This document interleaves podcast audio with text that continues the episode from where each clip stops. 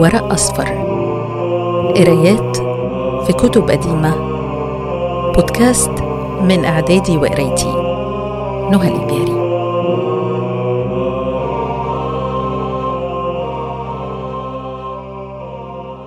الكتاب الأول كليلة ودمنة. كتاب هندي قديم ترجمه عن الفارسية عبد الله بن المقفع. باب الأسد والثور الجزء الخامس قال دمنة فماذا تريد أن تصنع؟ قال شتربة ما إن أرى إلا أن أجاهده فإنه ليس للمصلي في صلاته ولا للمتصدق في صدقته ولا للورع في ورعه مثل أجر المجاهد بنفسه ساعة من نهار إذا كان محقا وكان عدوه مبطلا فإنه من ذلك على أمرين يستقين منهما الأخيار. إذا قتل فالجنة وإذا قتل فأجر وظفر.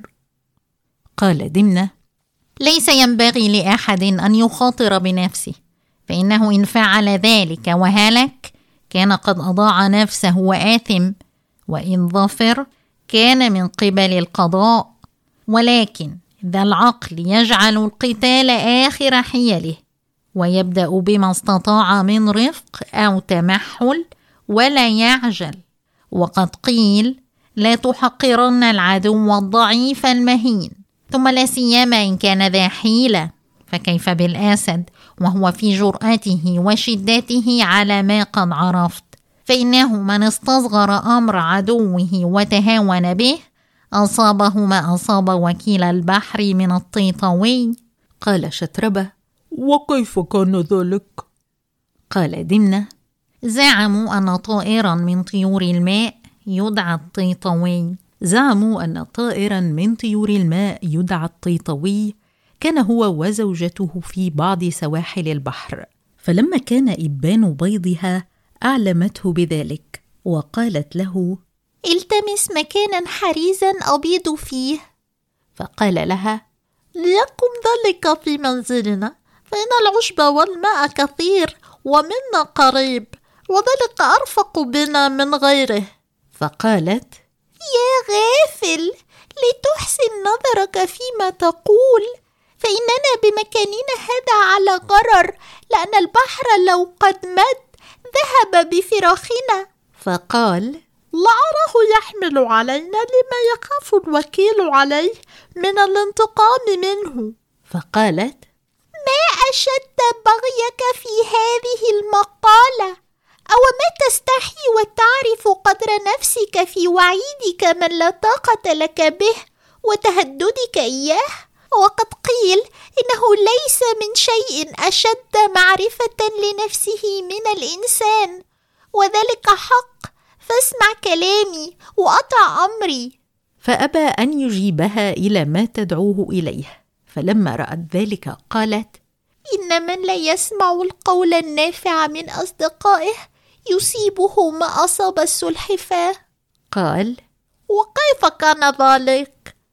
قالت زعموا أن عينا كان فيها بطتين وسلحفاة زعموا أن عينا كان فيها بطتان وسلحفاة وكان قد ألف بعضهم بعضا وصادقه ثم إن تلك العين نقص ماؤها في بعض الأزمان نقصانا فاحشا.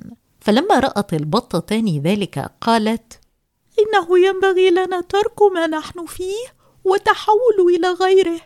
فودعتا السلحفاة وقالتا عليك السلام فإن ذاهبتان قالت السلحفاة إنما يشتد نقصان الماء على مثلي لأني لا أعيش إلا به فاحتال لي واذهب بي معكما فقالتا لا نستطيع أن نفعل ذلك بك حتى تشترطي لنا أننا إذا حملناك فرآك أحد فذكرك ألا تجيبيه فقالت نعم ولكن كيف السبيل إلى ما ذكرتما؟ فقالتا تعضين على وسط عود وتأخذ كل واحد منا بطرفه. فرضيت بذلك وطار بها. فرآها الناس فقال بعضهم لبعض انظروا إلى العجب سلحفاة بين بطتين تطيران بها في الهواء. فلما سمعت ذلك قالت رغم لأنفيكم. فلما فتحت فاها بالمنطق وقعت على الأرض فماتت. وقعت على الأرض فماتت.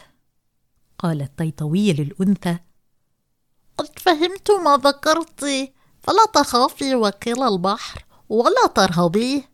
فبضت مكانها وفرخت. فلما سمع وكيل البحر ذلك أحب أن يعلم كنه الذي يقدر عليه الطيطوي من الاشتراء منه وما حيلته في ذلك وأمهله حتى مد البحر وذهب بالفراخ في عشهن فغيبهن.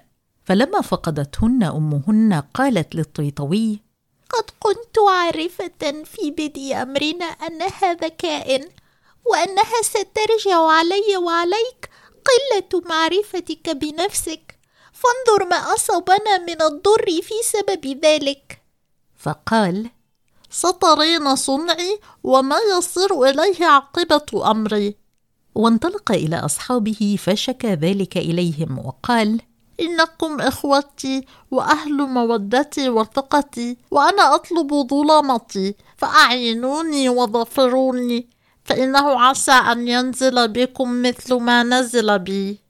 فقالوا له نحن على ما وصفت وأنت أهل لأن تسعف بما طلبت ولكن ما عسينا أن نقدر عليه من ضر البحر ووكيله.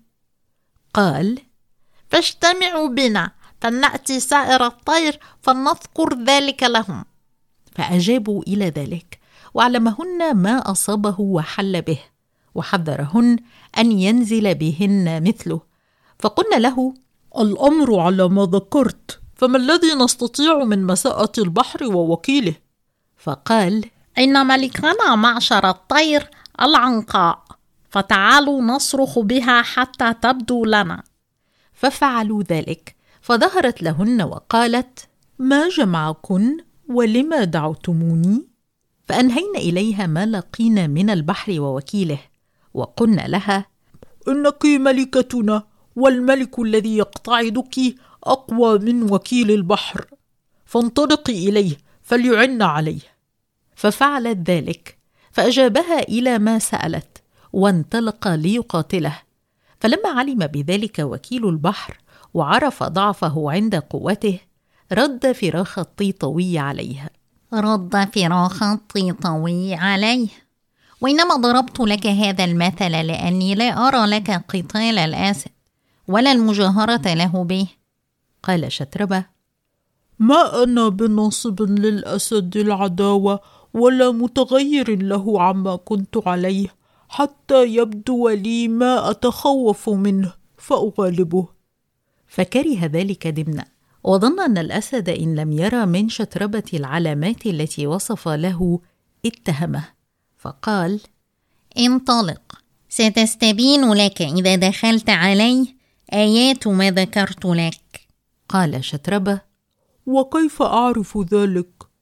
قال دمنة إن أنت رأيت الأسد حين تدخل عليه ينتصب مقعيا ويرفع صدره ويسدد إليك بصره ويضرب بذنبه ويتلمظ فاعلم أنه يريد قتلك فاحذره ولا تغتر إليه.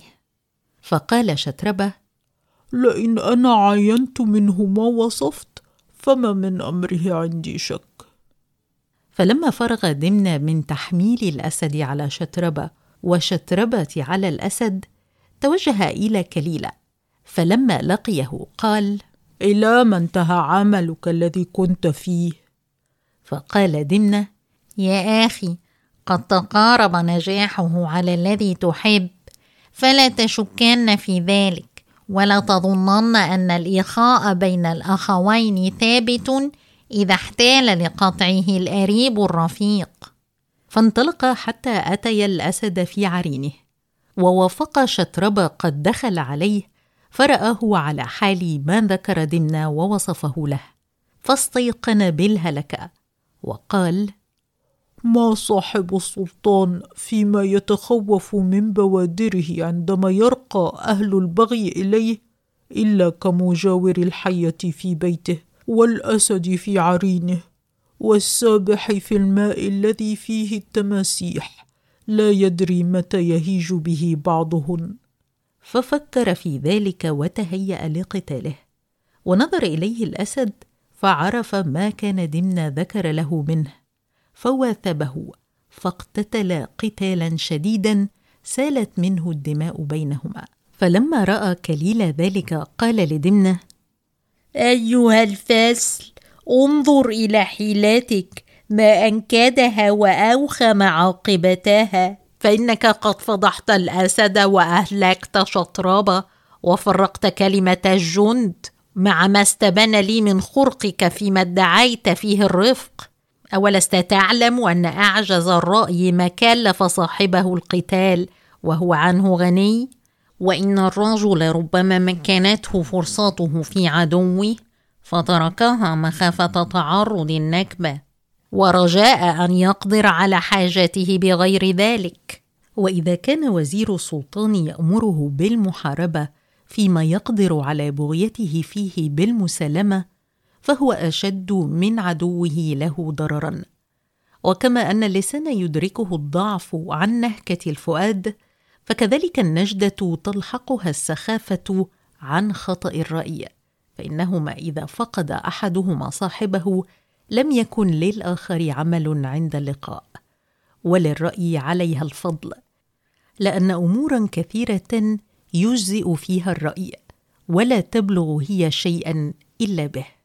ومن أراد المكر ولم يعرف وجه الأمر الذي يأتيه منه ويحيد فيه عنه كان عمله كعملك ومن عرف التمحل والرفق وهو ضعيف بنفسه وعدوه قوي فإنه أقوى من عدوه لأن الفيل والأسد مع قوتهما والحية الأسود مع سمه ونهشته وقوة الماء والنار والريح والشمس فإن الرجل الضعيف بالرفق والحيل يظفر بهم وبالحيل يركب الفيل ويأخذ الحية ويلعب بها ويصير الأسد في التابوت ويجري الماء على موضع ما يريد ويمنع مضرة النار والريح والشمس ويستخدم القوي. وقد كانت لي معرفة ببغيك وعجبك بنفسك ولم أزل أتوقع منذ رأيت شرهك وحرصك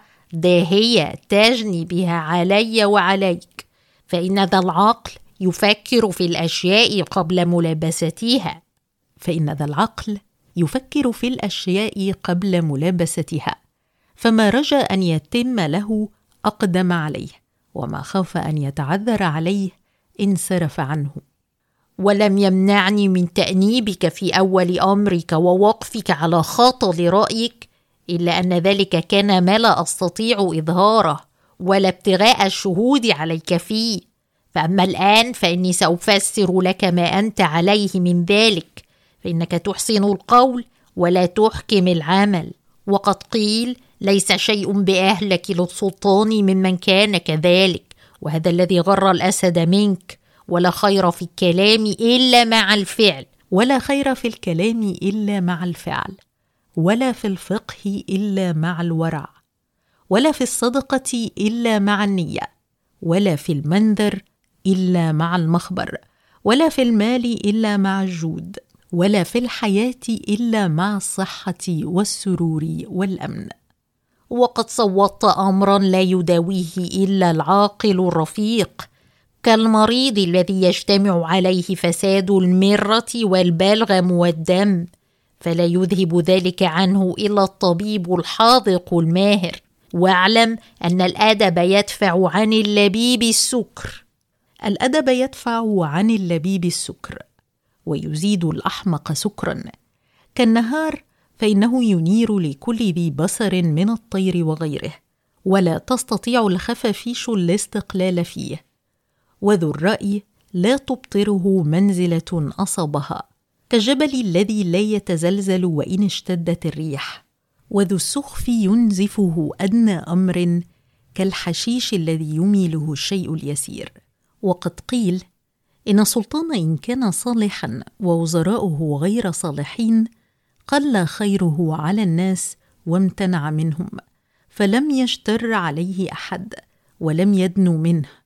كالماء الصافي الطيب الذي فيه التماسيح فلا يستطيع الرجل دخوله وإن كان سابحا وإليه محتجا وإنما حيلة الملوك وزينتهم قرابينهم. أن يكثروا ويصلحوا وإنك اردت الا يدنو من الأسد غيرك وإنما السلطان بأصحابه وأعوانه كالبحر بأمواجه. ومن الحمق التماس الإخوان بغير الوفاء والأجر بالرياء ومودة النساء بالغلظة ونفع المرء نفسه بضر الناس والفضل والعلم بالدعة والخفض. ولكن ما غناء هذه المقالة وجد هذا التأنيب وأنا أعرف أن الأمر فيه كما قال الرجل للطائر لا تلتمس تقويم ما لا يعتدل ولا تبصر من لا يفهم. فقال دمنة وكيف كان ذلك؟